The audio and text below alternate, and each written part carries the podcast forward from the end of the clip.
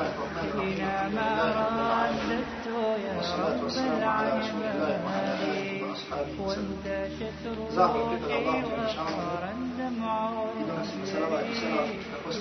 إلهي خذ بقلبي للرجاء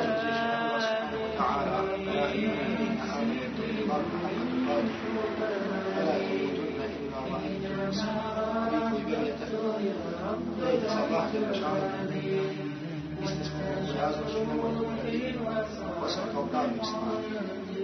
Allah subhanahu wa ta'ala možemo da nas učinu da se boje istinsko bogobojazno s čudom koji će umjeti samo kao pravi muslimani. I molimo Allah subhanahu wa ta'ala da nas učini od onih koji će iskreno slijediti sunnet njegovog miljenika i njegovog poslanika Muhammeda sallallahu alaihi wa sallam. Molimo Allah subhanahu wa ta'ala da nas umrtvi na tome. Draga braćo, u našem prošlom predavanju smo govorili o jednom bitnom, ili da kažemo naj, jednom od najbitnijih, najznačajnijih događaja u historiji Islama, a to je bitka na Bedru. Iz poslanikovi sallallahu alaihi wa sallam dova koje je dobio na ovoj bitci, vidjeli smo kolika je bila važnost ove bitke, a to je kada je poslanik sallallahu alaihi wa sallam Allah subhanahu wa ta'ala upućivao dovu Allahumma intahalik hadihi l'asabe la tu'badu fil ard. Allahu dragi, ako ova skupina, ako ova grupa muslimana nestane, ako izgine, neće imati na zemlji ko da te obožava. Kao i hadis Allahu poslanika sallallahu alaihi wa sallam u kojem kaže la yedhulu nara ahadun šahida badra. Da neće vatra dotaknuti ili da neće u vatru, to jest u džahnem ući, niko od onih koji su bili učesnici na Bedru. U ovoj velikoj bitci, a to je bila bitka na Bedru. Draga braćo, posljedice ove bitke su se nastavile nakon ovog velikog događaja. Pa je tako mušnike u Mekki zadesio veliki musibet, zadesio veliki belaj. Pa sjetimo se onog sna kojeg je vidjela Atika, čerka Abdul Muttaliba, u kojem je vidjela onoga konjanika koji je bacio stijenu koja se je raspukla i kaže da nije bilo kuće, da nije bilo kuće u Mekki, a da nije u nju ušao jedan dio tog kamena. To se može protumačiti, znači da nije bilo ili da neće biti u Mekki, sad u Mekki, nijedne kuće, a da u nju nije ušao, šta? Da u nju nije ušao musibet od ove velike bitke, a to je bila bitka na Bedru. Sada imamo jedan period, a to je između bitke na Bedru i bitke na Uhudu.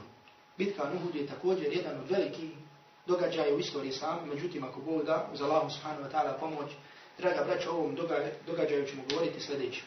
Međutim, večeras ćemo govoriti o onome što se je desilo između bitke na Bedru i bitke na Uhudu. Jer u ovom periodu, koji nije bio toliko dug, bio je, to je u stvari jedna godina, jedan mjesec. To u stvari jedna godina, jedna mjesec, jer bitka na Bedru je bila kada druge godine po Hidžiru, u kojem mjesecu? U kojem mjesecu? Mjesecu Ramazana. A bitka na Uhudu je bila treće godine po Hidžiru, u mjesecu kojem? U mjesecu Šavalu. Mjesec Šaval i dolazi odmah posle, odmah posle Ramazana. Znači jedna godina, jedan mjesec je bila, znači razlika, odnosno vremenski period koji je bio između ove dvije bitke. Međutim, pored ovog malog perioda, pored ovog malog perioda, pored malog ovog perioda, znači tu je bilo prilike oko sedam vojnih pohoda, sedam vojnih pohoda od strane Allahu poslanika sallallahu alaihi wa sallam. Pa prva bitka koja je bila, znači da kažem jedna manja bitka, to je bila bitka zvana bitka Benu Sulim. Bitka zvana Benu Sulim u Ševalu druge godine po Iđu, u stvari nekoliko, znači samo otprilike prilike sedam dana nakon bitke na Bedru, do poslanika sallallahu alaihi wa sallam je došao haber došla vidjeti da pleme Benu Sulim želi da napad, da žele da napadnu Medinu. Pa je poslanik sallallahu alaihi wa sallam kada je do njega došao ovaj haber, kada je do njega došao ovaj haber, otišao sa 250 konjenika, sa 250 konjenika, sa 250 muđahida, direktno, direktno na mjesto, odnosno tamo gdje živi, gdje živi ovo pleme. I kada je poslanik sallallahu alaihi wa sallam došao, ovo pleme je bilo, bilo već pobjeglo. I poslanik alaihi salatu wa sallam je tu zarobio 500 djeva, bio tu je boravio tri dana, kao što je bio običaj poslanika alihi salatu Salam posle bitki i vratio se zatim u Medinu. Poslije toga dolazi događaj sa plemenom Benu Qainuka. Benu Qainuka. To je bilo jedno od židovskih plemena o kojem ćemo govoriti, kojem ćemo govoriti kasnije. I poslije toga također dolazi ubijstvo jednog velikog glavešenja židovskog, a to je bio Ka'ab ibn Ešraf, o čemu ćemo također govoriti. Od ovih manjih bitki se desila također bitka As-Saviq, bitka zvana As-Saviq, koja je bila u mjesecu Dhul-Hajjatu druge godine po Hidžri. A ovdje se je desilo, znači ovdje vidimo također jedan od posljedica bitke na Bedra. To je bilo da se Ebu Sufjan zarekao, odnosno zakleo, da se neće kupati. Da se neće šta? Da se neće kupati, da neće njegova koža dotaknuti vodu, sve dok ne povede vojsku protiv muslimana, sve dok ne povede vojsku protiv muslimana, odnosno protiv Muhammeda sallallahu alaihi wa sallam. I kako bi ispunio tu svoju zavljetu, poveo je vojsku na Medinu. Međutim, to je da bio, bio jedan, da tako kažem, kukavički napad, gdje su samo došli u jedno naselje koje je bilo blizu Medine, ubili su tu dvojicu ljudi, zapalili su, zapalili su jedan palmnik i pobjegli su. I poslanik sallallahu alaihi wa sallam je izašao poslanik Ali wa sallam izašao je za njima, međutim oni su bili već pobjegli. Poslije toga dolazi bitka Zi Amr, to je bila od najvećih pohoda poslije, ovaj, jedan od najvećih mm, poslanikovi sallallahu alaihi sallam vojnih pohoda prije Uhuda, a to je bilo da je poslanik Ali sallatu Osalam pojeo 450 ratnika, odnosno 450 muđahida, kako bi se sukobio sa jednim plemenom i kada je došao, znači nije došlo do rata, znači kada je došao do mjesta gdje je mislio da će se sa njima sukobiti nije došlo do nije došlo do rata. I poslanik Ali sallallahu alejhi ve sellem na ovom mjestu na ovom mjestu pravo čitav čitav mjesec Safar. Posle toga dolazi bitka Bahran ili Buhran, također je poslanikova Ali sallallahu alejhi pohoda i onda posle toga dolazi pohod Zaid ibn Harise. Zaid ibn Haris o čemu ćemo reći na kraju, a to je u stvari bio jedan direktan povod za bitku na Uhudu. Međutim, od svih ovih bitaka i povoda poslanika alaihi salatu wasalam u ovom periodu, Draga braćo, zadržat ćemo se na događaju, odnosno na bitci ili na opkoljenju i istirivanju iz Medine židovskog plemena koje se zvalo Benu Kajnuka. Draga braćo, poslanik alaihi salatu wasalam, kada je došao u Medinu, poslanik alaihi salatu wasalam, kada je došao u Medinu, pored muslimana koji je zatekao u Medini, zatekao je tu i židov. Poslanik, sallallahu alaihi wasalam, je tu zatekao i židov. Židovi su bili podijeljeni u tri plemena. Židovi su bili podijeljeni u tri plemena. Za neko koja su bila ta tri plemena? Koja su bila tri židovska plemena koji su živjeli u Medini i oko Medine? Benu Qajnuka, Benu Nadir i Benu Benu Kureyda. Benu Kureyda. Znači to su bila tri židovska plemena koja su živjeli u Medini. I draga braća, pogledajte iz ovog događaja ćemo vidjeti pravednost i lepotu Islama u obhođenju prema ljudima da kažemo koji nisu iste vjere kao što smo mi kao što smo muslimani. Draga braćo Allah poslanik alejhi salatu vesselam kada dolazi u Medinu zadić ove židove koji su još otprije bili stanovnici Medine. I sa njima od prvih stvari koje poslanik alejhi salatu vesselam učinio kada je e, kada je došao u Medinu, kada je učinio iđu, pored izgradnje mesdžida, gdje će muslimani obavljati namaz, jeste da je napravio sporazum sa židovima. Jeste da je poslanik Alihi salatu vesselam napravio sporazum sa židovima. Pa tako postoji nešto što se zove, znači u islamskoj terminologiji, vi ste sigurno o tome čuli nešto što se zove medinska povelja. Znači to je taj ugovor, iako kod islamskih istoričara, muhaddisa, postoji govor o vjerodostojnosti ove povelje, o vjerodostojnosti ove spisa, međutim veliki broj učenjaka je na stanovištu da je ovo vjerodostojno.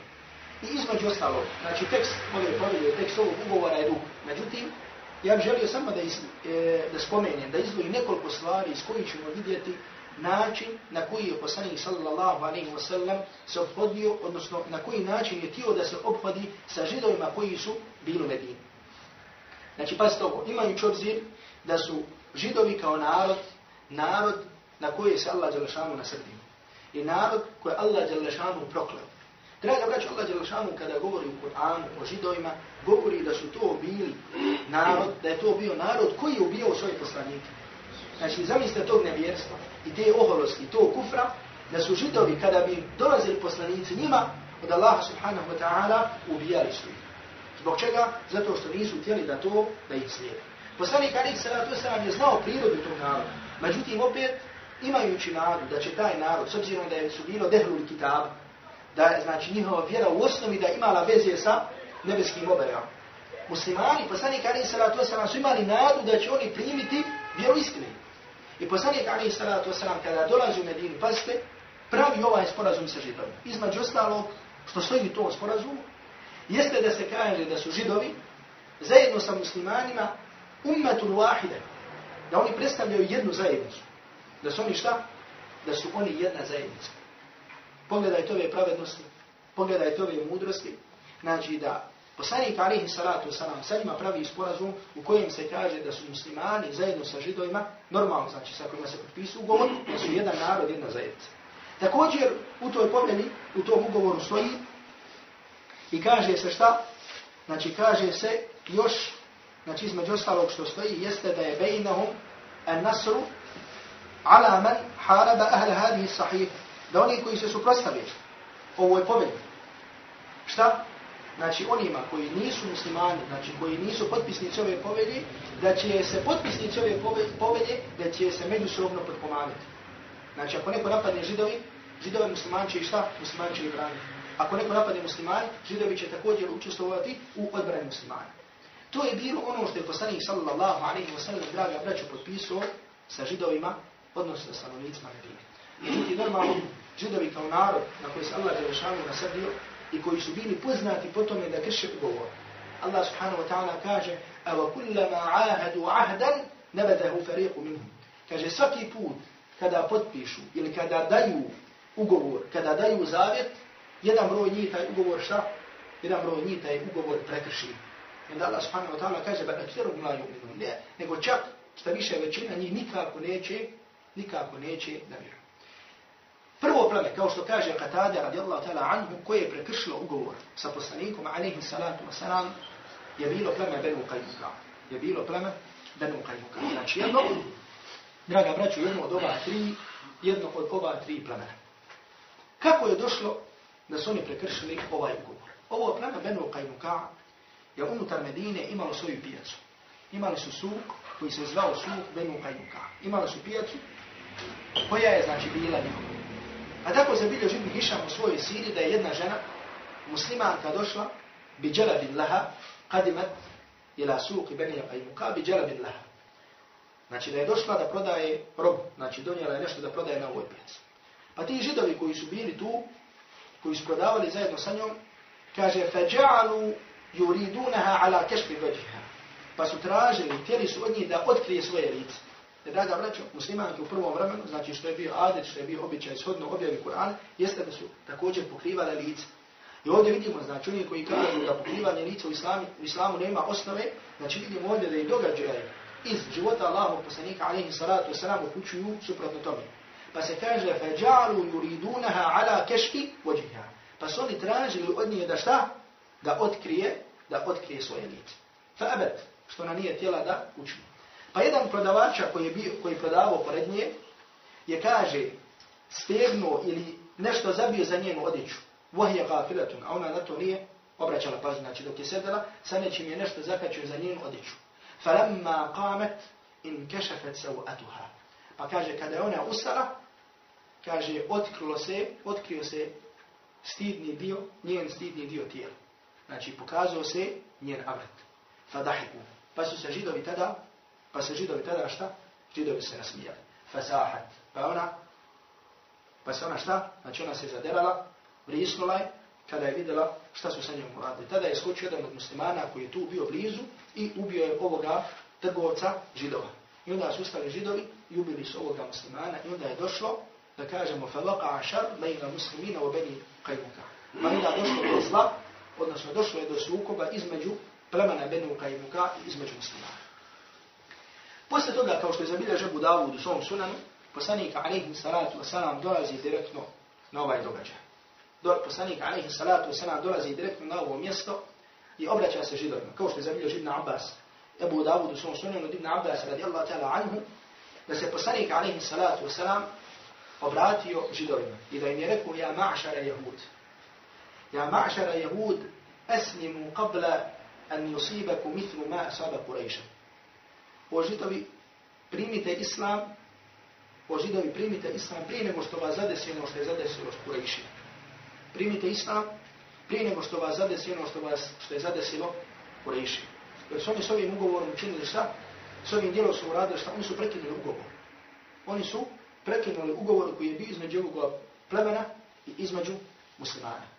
Allah subhanahu wa ta'ala, draga braćo, od pravednosti Islama, jeste da muslimani kada potpišu ugovor sa nekim, znači da nema kršenja ugovora. Međutim, znači hoće li ostati na to da muslimani, tako da kažem, budu prevareni od svog neprijatelja na osnovu tog poštivanja ugovora? Normalno da neće biti prevareni. I zato Allah subhanahu wa ta'ala se obraća svom poslaniku alaihi salatu wasalam u suri Anfal i kaže وَإِمَّا تَخَافَنَّ مِنْ قَوْمِنَ خِيَانَةً فَنْبِذْ إِلَيْهِمْ عَلَى سَوَاءٍ A ukoliko se ti o Muhammeda bori, bojiš od naroda sa kojima se potpisi ugovor, da će, te, da će te prevariti, pa i ti prekrši taj ugovor. Ako se ti bojiš o Muhammeda, kaže Allah subhanahu wa ta'ala, da će oni prekršiti ugovor, onda vi ti prekrši. To jeste ako ima dokaza Ako ti dođu dokazi koji upućuju na to da taj narod hoće da prekrši ugovor, onda ga idi slobodno prekrši. Inna Allahe la yuhibbul khainin. Kaže Allah subhanahu wa ta'ala, ali Allah ne voli one koji šta? Koji varaju. I zato, draga braću, naša vjera, čak kada su pitanju nevjernici, nemuslimani, građana je na emanetu i na pravednosti. I zato kaže Boži poslanik Ali salatu wasalam u hadisu, kojeg je zabilja žima muslim, u svom sahihu, da poslanik alaihi salatu wasalam kaže لِكُلِّ غَادِرٍ يَوْمَ jevme لِبَاءٌ يُعْرَفُ بِهِ. Svaki onaj koji prekrši ugovor, kao što se kaže u komentaru hadisa, pa makar bilo prema nevjernicima, imaće na sudnjem danu zastavu, imaće na sudnjem danu oznak, nešto što će ga, po čemu će se prepoznavati. I bit će rečeno, hadihi gadratu fulan, ovo je pravara tog i toga. Ova je pravario taj i taj narod. Znači, pogledajte pravednost Islama kada je u pitanju poštivanja ugovora. Međutim, vidimo ovdje imamo kuranski ajed, Allah subhanahu wa ta'ala se obraća poslaniku alaihi salatu wasalam i kaže mu šta, ako se bojiš od nekog naroda će prekršiti ugovor, onda vidi prekrši. I to je upravo ono što se ovdje desilo. Jer vratimo se na onu predaju od Katade radijallahu ta'ala anhu, da je pleme Benu Kajmuka bilo prvo pleme koje je prekršilo ugovor sa poslanikom sallallahu alaihi wasallam. I onda se je desilo da je poslanik sallallahu alaihi wasallam okupio i da im se obratio. I onda je poslanik alaihi salatu wasalam okoli ovo plame. Poslanik alaihi salatu wasalam posle toga u ševalu druge godine po hijđri i obkolio ovo pleme koje je trajalo 15 dana.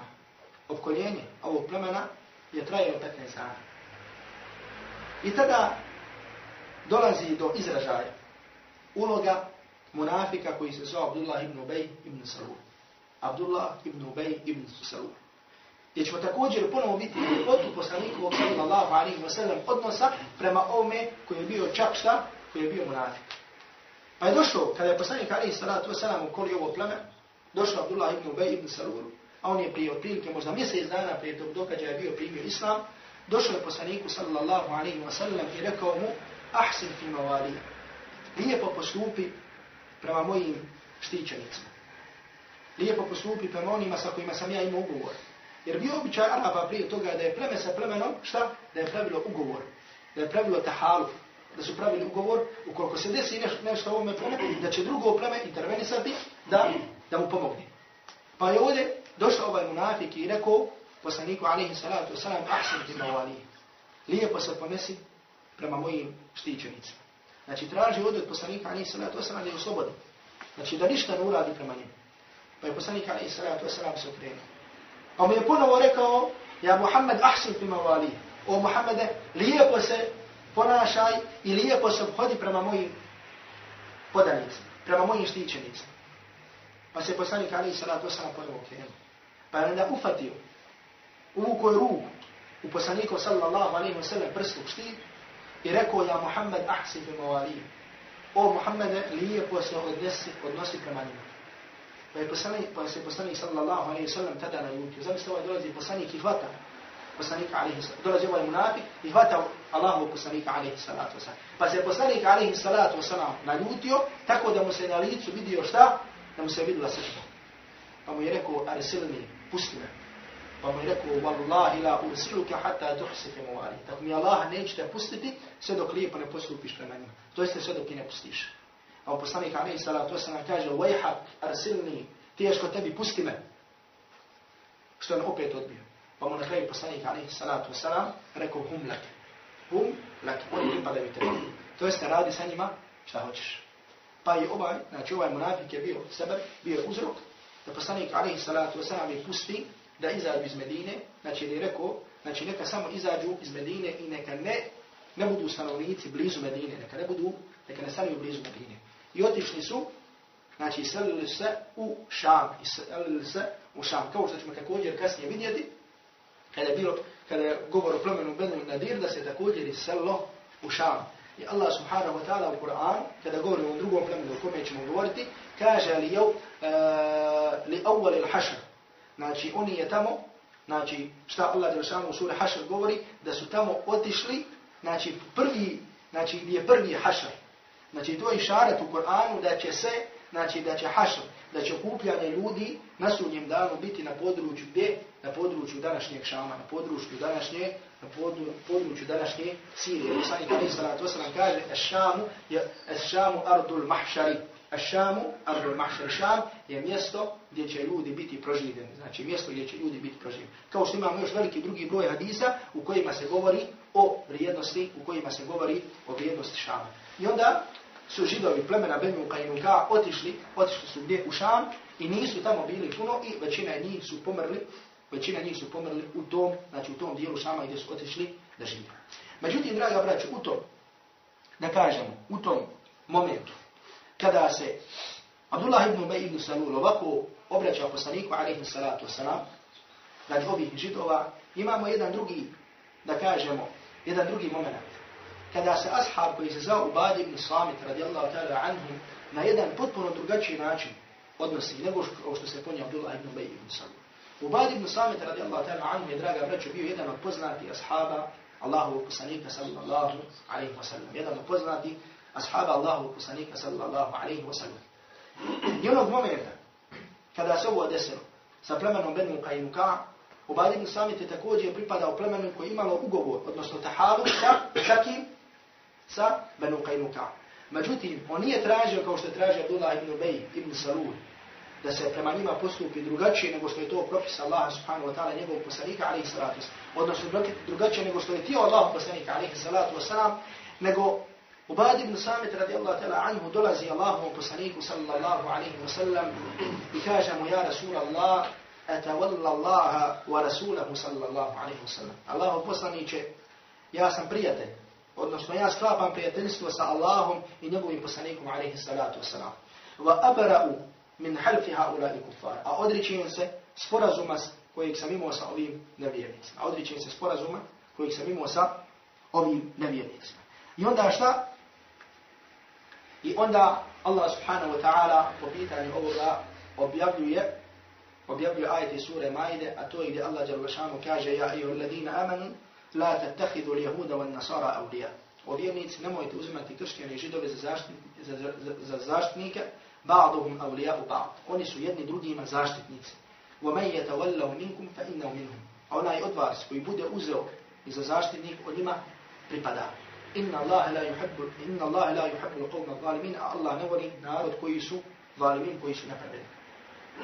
Znači ovdje vidimo da ovim povodom bivaju objavljeni ovi kuranski, ovi kuranski šta? Ovih kuranski ajet. Znači isto kao što smo prethodno imali, tvrt malo prozor vruće.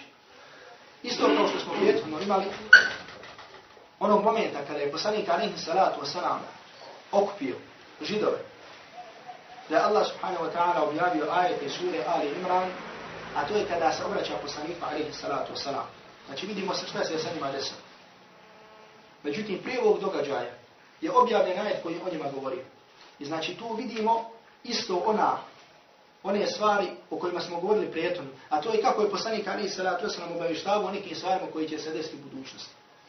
Pa Allah subhanahu wa ta'ala, onda kada je, kada je okupio, kada je poslanik Ali Salatu Wasalam okupio židove, na pijaci Benu Kajnuka, i kada im je rekao, primite islam prije nego šta, prije nego što vas zadesi ono što je zadesilo u Šta su oni rekli? Oni su rekli, ja Muhammed, la yagurrannaka min nafsika annaka qatalta nafara min Quraysh. O Muhammed, nemoj da te zavara to što si se sukobio sa nekim ljudima iz plemena Quraysh. La ilma lahu bil qital, koji nisu znali kako da se bore. Fa innaka law qataltana yarti ako se budeš borio protiv nas. Pogledajte što mu kažu plemen, židovi iz plemena Benu Kajnuka. koji su živjeli u Medini sa Allahom i poslanikom alihi salatu wasalam. Sa kojim je poslanik alihi salatu wasalam potpisao ugovor. Kažu mu, fa innaka law qataltana la arafta annana nahnu nas. Wa la arafta annaka lam talqa mithlana. I kaže, je ti ako bi se borio sa nama, ako bi se borio protiv nas, vidio bi, vidio bi šta? Da smo mi pravi ljudi. Vidio bi da smo mi pravi muškarci. I vidio bi i znao bi da se nikada nisi sreo sa ljudima kao što smo mi. Znači pogledajte u srcu Medinu, on se obraćaju poslaniku alihi salatu wasalam i kažemo nemoj da te zavara to. Što si pobio te, što ste pobjedili te mušlike na vedu. Jer kada bi se protiv nas borio, vidio, vidio bi onda ako su pravi muškarci. I onda Allah subhanahu wa ta'ala objavljiva ajeta iz sura Ali Imran, gdje se obraća poslaniku alihi salatu wasalam, قل للذين كفروا ستغلبون وتحشرون إلى جهنم وبئس المهاد Reci onima koji ne vjeruju, to jeste židovima, židovima iz plemena Benu Qainuka, se tuhlebune, bit ćete poraženi. Wa tuhšaruna ila jahannam, i odvedeni u jahannam. Znači umrijet ćete. I jahannam će vam biti šta ishodište, wa bi'sal mihad, a kako li je loše, kako li je to loše boravište. I onda Allah Đelešanu ovdje podsjeća sviju, a posebno židove, na ono što se desilo na Bedru. I spominje neke od kerameta Bedra. Pa kaže Allah subhanahu wa ta'ala, kad kana lakum ajetun fi fi'atayni taqata. Kaže, vi ste imali jasan dokaz u dvije skupine koje su se sukobile. Fi'atun tuqatilu fi sabilillah. Kaže, grupa ili skupina koja se borila na Allahovom putu. Wa fi'atun Šta? Kako ide aj dalje? Wa ukhra kafiratun yarawnahu mithlihim ra'y al-'ayn. A druga je bila kakva? Nevjernička. I kaže Allah subhanahu wa ta'ala, šta? Yarawnahu mithlihim ra'y al-'ayn. Znači druga je bila nevjernička, koja je ovu prvu vidjela mnogobrojnijom. Vidjela je mnogobrojnijom, to jeste mislili su da su duplo brojni nego što su stvari bili. Draga braćo, to je bio jedan od kerameta na Bedru. Nismo ga spomenuli kada smo govorili o Bedru, međutim spomenut ćemo da sada s obzirom da govorimo o ovim ajetima, gdje se Allah subhanahu wa ta'ala između ostalog obraća i židovima i podsjeća i na ono što se je desilo na Bedru. Pa im kaže, tu vam je bio jasni dokaz kako Allah subhanahu wa ta'ala pomaže mu'mine kako Allah Đalešanu daje pobjedu pravim, iskrenim, istinskim vjernicima, koji vjeruju Allaha subhanahu wa ta'ala, koji su pokorni Allahu subhanahu wa ta'ala, koji slijede Allahove poslanike, koji slijede posljednjeg Allahovog poslanika Muhammada sallallahu alaihi wa sallam. Međutim, to što vi nećete da vjerujete, to što vi nemate oči, to je vaš problem. To je problem židova. Jer, draga braćo, Allah subhanahu wa ta'ala na mnogim, mnogim, mnogim, mnogim mjestima u Kur'anu i poslanik alaihi salatu wasalam govore o židovima i osobinama židova. Mi svaki put kada na namazu učimo fatihu, učimo gajri il magdubi alaihim al abdali. Allah uputi nas na pravi put. To je put koga? Put poslanika. Put poslanika Muhammeda sallallahu alaihi wa sallam. Znači tražimo od Allaha subhanahu wa ta'ala da nas uputi na pravi put. A ne na put na one na koji si se nasrdio.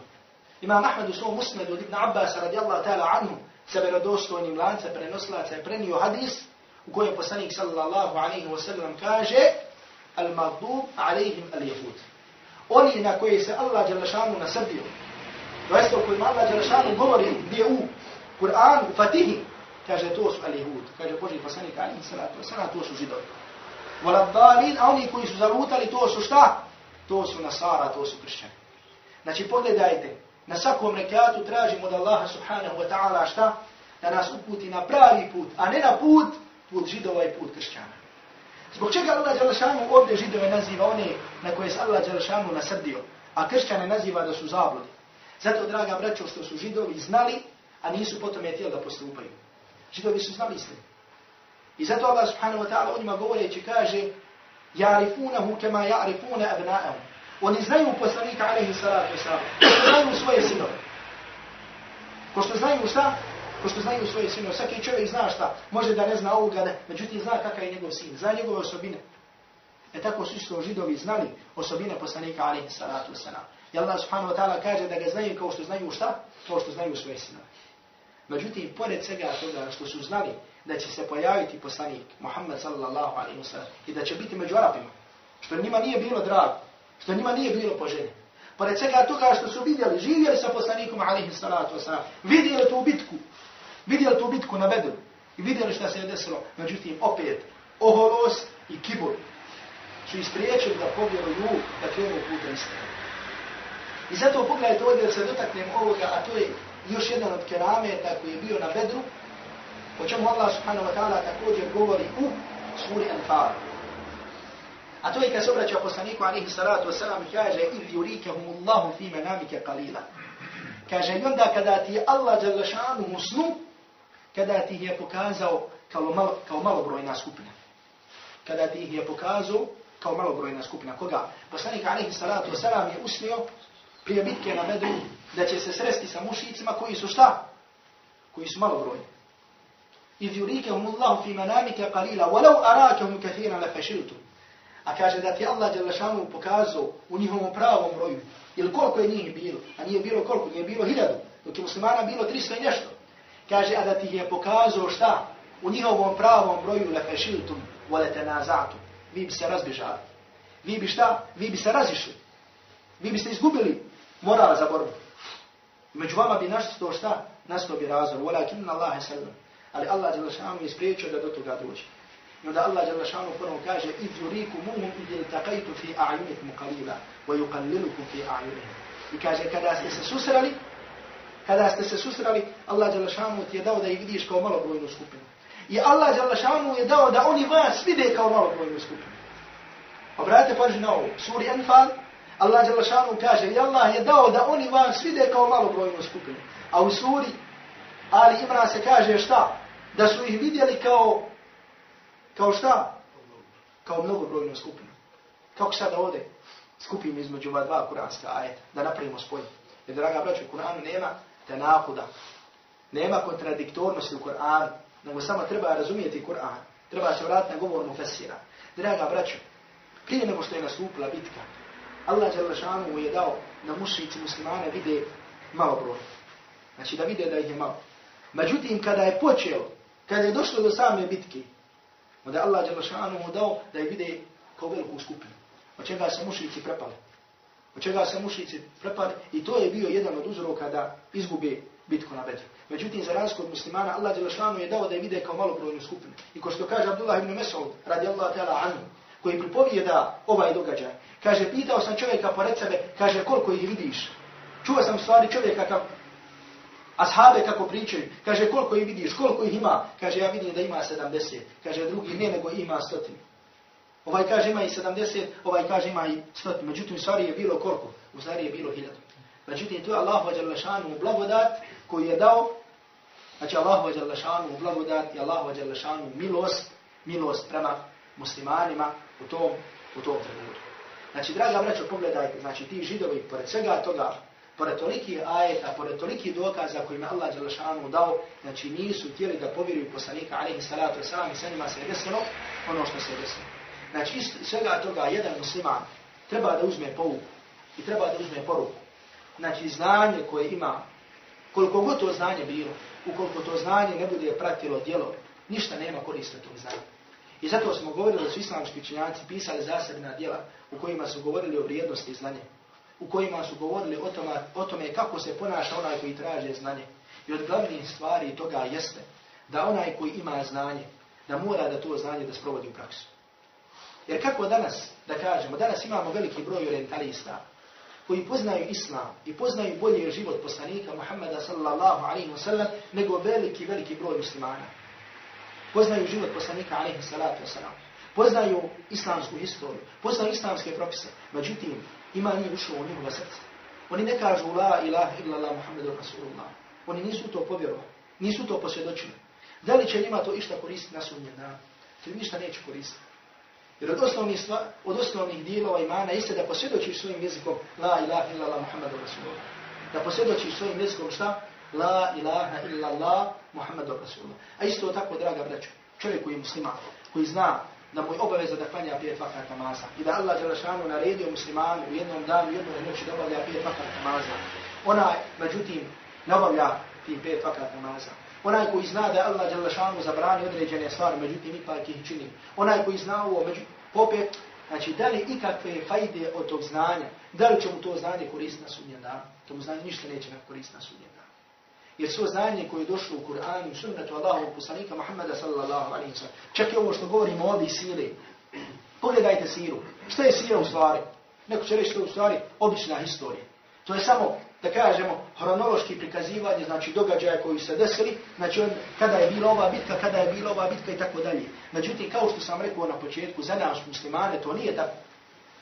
Mi ne čitamo siru Allahovog poslanika alaihi salatu wasalam kao nešto historijsko, kao neke događaje, nego čitamo to kako bi uzeli iz toga pouke i poruke. I kako bi mnogi događaji koji su došli, čak koji su vezani za židove, koji su vezani za kršćane, kako bi nas zastrašili. Kako bi nas šta? Kako bi nas zastrašili. Kako mi ne bi imali te osobine kod sebe, kao što su tada, u tom momentu, imali kršćani, kao što su imali židovi i tako dalje. Ili konkretno ovaj događaj o kojem sada ovdje govorim. Jer ako razmislimo, ako vidimo siru života Allahovog poslanika, alaihi salatu wasalam, draga braću, vidjet ćemo da nije ništa drugo nego jedna historija ummeta. Historija, čitava historija islamskog ummeta. Od poslanika, alaihi salatu wasalam, do sudnjeg dana. Međutim, u malu. Historija čitavog jednog ummeta koji živi, koji će živiti hiljadama godina. Međutim, u. Allah Đelešanu je dao toliko događaja u tom kratkom periodu, u životu Allahu poslanika alaihi salatu wasalam, koji će se kasnije poraviti, Koji će se kasnije šta ponaviti. Međutim, mi ako smo muslimani pametni, ako smo pametni muslimani, kao što treba da bude, čitat ćemo život poslanika alaihi salatu wasalam, isto da ćemo uzimati pouke i poruke. I zato pogledajte ovdje, kako šta, kako židovi žele da vide lice muslimana. Šta danas u stvari hoće židovi, šta danas hoće u stvari kršćani. I što danas hoće sa mnogim tim stvarima koje plasiraju među same muslimane, kada u pitanju fesad, fesad među familijom, posebno fesad među ženama. Znači neće ništa drugo osim ono što je ovo pleme tijelo u vrijeme poslanika alihi salatu wasalam. A to je u stvari sami fesad. I mnoge druge događaje, pogotovo kada su pitanju židovi, i ono što se dešavalo sa židovima, što se danas dešava sa židovima, znači vidjet ćemo usko, vidjet ćemo jednu usku povezanost. I zato kažemo da je život sira poslanika alihi salatu wasalam u stvari historije čitavog ovog našeg ummeta, međutim malo. I zato je na nama da uzmamo pouke i poruke i da razmišljamo. Međutim nije kada dođemo nešto i površ, površinski vidimo i mislimo da to nije lijepo i da to odbijemo. Kao što smo govorili o tome. Međutim sada se konkretno vraćamo. Naprimjer neko će reći od muslimana, pogledajte kako poslanik alihi salatu wasalam ovdje krši ugovor sa židovima. Zar muslimane ne trebaju da ispunjavaju ugovor? Međutim, mi vidimo u stvari ko je bio taj koji je u stvari prekršio ugovor. I velik, na veliku žalost, veliki broj muslimana i danas uzima istoriju islama i čak siru poslanika alaihi salatu wasalam iz usta, odnosno iz stara, orientalista koji mrze, koji ne vole koji stvari mrze islam. I zato veliki broj kod nas, onim koji su pisali o životu Božijeg poslanika alaihi salatu wasalam, o bitkama, uzmali su jednog historičara koji se zove Filip Hitti. Jednog kršćanina koji se zove Filip Hitti, koji je bio orientalista. I na osnovu toga što on spomenuo u svojoj knjizi Istorije Arapa, prenosili su to u svoje knjige Istorije Islama, sire poslanika alihi salatu wasalam i tako dalje. Međutim, ja se sjećam i kada smo bili na fakultetu na četvrtoj godini, kada smo učili orientalistima, učili smo podjele te orientalista. Jer među tim orientalistima ima šta? Oni koji imaju simpatiju prema islamu, Ima i oni koji su ni tamo ni vamo, međutim ima oni koji baš mrze islam. Filip Hiti baš je tu spomenuo i u tu skupinu spada. Među one koje mrze islami muslimane i koji su gledali na svaki mogući način da ocrne život poslanika alaihi salatu wasalam. Međutim, kao što sam rekao, znači na veliku žalost, veliki broj onih koji kod nas govore o i pišu o istoriji islama, i života Božijeg poslanika, života Božijeg poslanika, alaihi salatu wasalam, upravo od ovog orientaliste uzimaju, upravo od ovog orientaliste uzimaju podatke.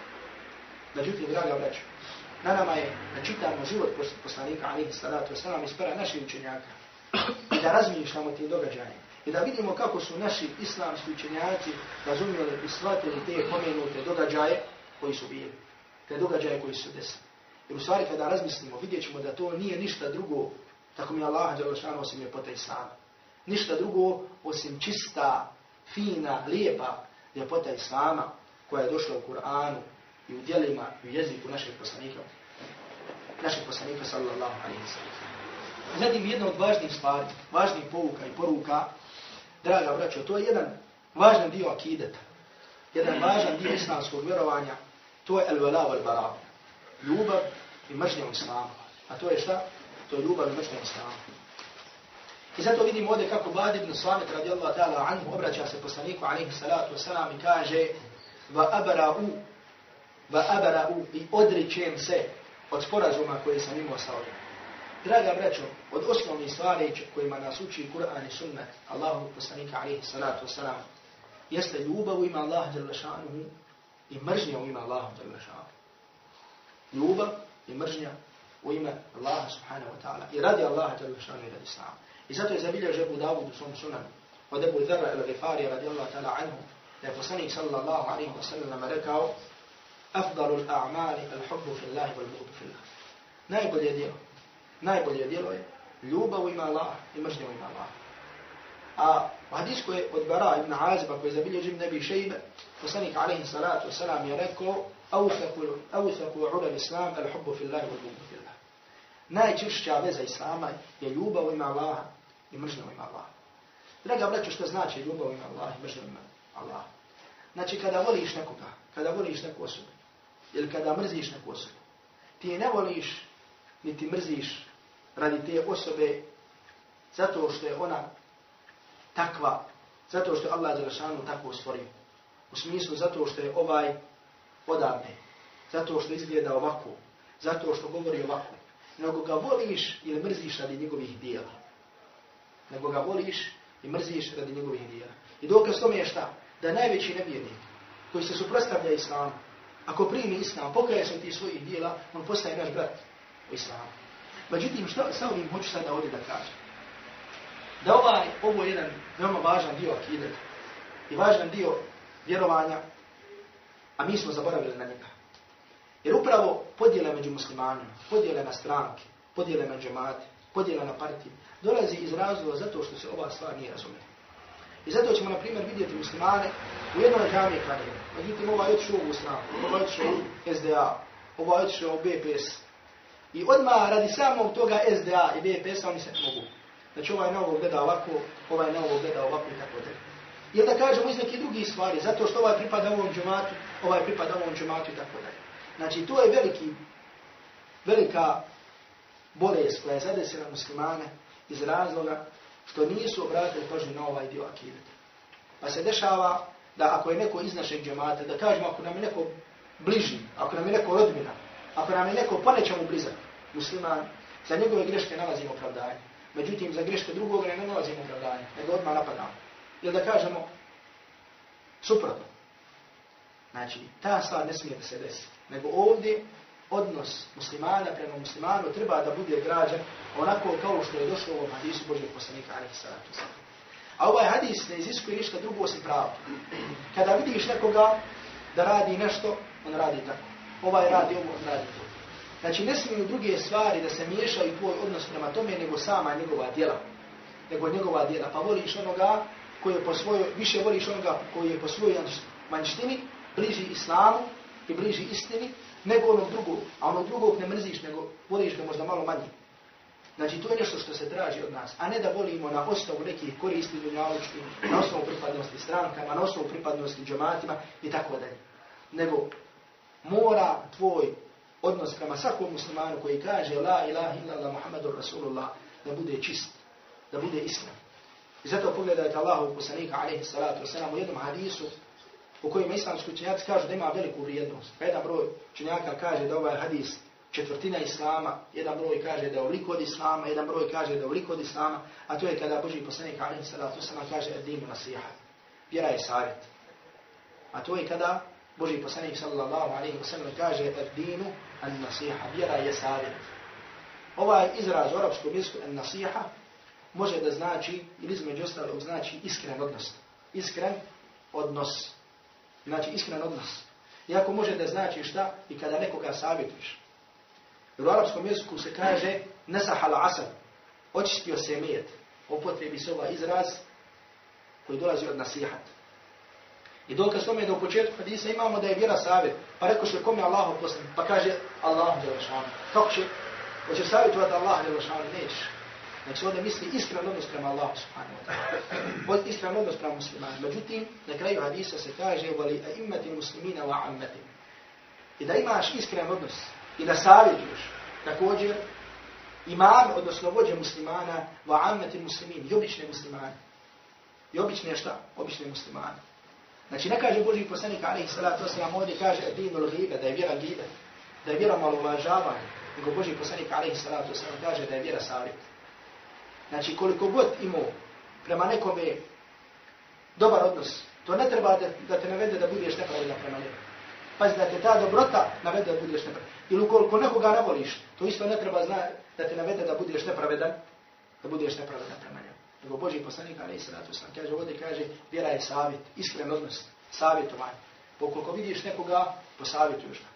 Znači, jer u sunnetu Božeg poslanika, ali i sratu sam, je toliko došlo stvari u kojima se govori šta je pravo muslimana prema muslimana. Pa se kaže, وَإِذَا سْتَنْسَحَكَ فَنْسَحْ لَهُ I kada o tebe zatraži savjet, da ga posavjetuješ. Kada učini ovo da uradiš, kada se razboli da ga obiđeš, kada umre da mu klanjaš dženazu, kada ovo, Znači, mnoge stvari koji su došli, šta su prava i obaveze, draga braća prema muslimani. A tu upravo vidimo ovdje. Znači, da je ta iman u ovom dijelu, ovome što uradim u Badini Samet radijallahu ta'ala anhu, vidimo, znači, jednu čistinu, jednu imansku čistoću. A to je, znači, koliko god je bio prijatelj sa ovim židovima, koliko god je imao sa njima neke dunjaličke koristi, obraća se poslaniku alaihi salatu wasalam. Za razliku od Ubeja, Abdullah ibn Ubeja ibn Salula, i kaže Allah poslanici, ja se odričujem od onoga, odričujem se od sporazuma koji sam imao sa njim. Odričujem se od sporazuma koji sam imao sa njim. Znači ovo je bilo, da kažemo, ovo smo spomenuli, znači samo nekoliko događaja iz kojima smo više htjeli da uzmemo povuke i poruke koji su bili između Bedra i Uhuda, jer ćemo vidjeti kasnije, znači, dolazi do bitke na Bedru, A povod za ovu bitku je došlo također je vezano za karavanu. Također je vezano za karavanu. A to je da su mušici Mekke nakon da su mušici Mekke nakon čega nakon bitke na Bedru ponovo razmišljali kako da pošalju karavanu šam. Kako da pošalju šta? Da pošalju karavanu šam. I za nju je bio odgovor Safvan ibn Umej. Umej. Jedan od ljudi mu je posavjetovao da ne idu putem više Medine, nego da idu daljim putem, a to je putem šta? To je putem Iraka. Da idu putem koji će biti bliži, bliže Iraku. I on je to prihvatio. On je to šta prihvatio. Međutim, kako i kada do poslanika sallallahu alaihi wa sallam dolazi ovaj habak, što ćemo spomenuti ako bude sljedeći put, je poslanik alaihi sallatu wa presreće i ovu karavan u svom putu do Šama, gdje su oni pobjegli gdje se vraćaju u Meku. Znači ponovo dolazi do jednog gubitka. Znači normalno bitka ili boj nije bio kao što je bio kada je bilo bitko, bitka na Bedru, međutim nisu mogli da ostvare ono što su htjeli i onda mušicima ne ostaje ništa drugo nego da povedu vojsku protiv Medine, da povedu vojsku na Medinu i onda dolazi do bitke koja je odmah bila uz samu Medinu, a to je bilo, to je brdo na Uhudu, i onda dolazi do bitke na Uhudu, o čemu ćemo za Allah subhanahu wa ta'ala pomoć govoriti sljedeće. Znači, za ovaj put toliko, Nadam se da smo izogli neki događaj koji smo ukratko spomenuli, uzeli pouke i poruke. Molim Allah subhanahu wa ta'ala da nas učini od onih koji uzmaju pouke i poruke života. Allahu poslanika sallallahu alaihi wa sallam. أقول قولي هذا وأستغفر الله لي ولكم فاستغفروا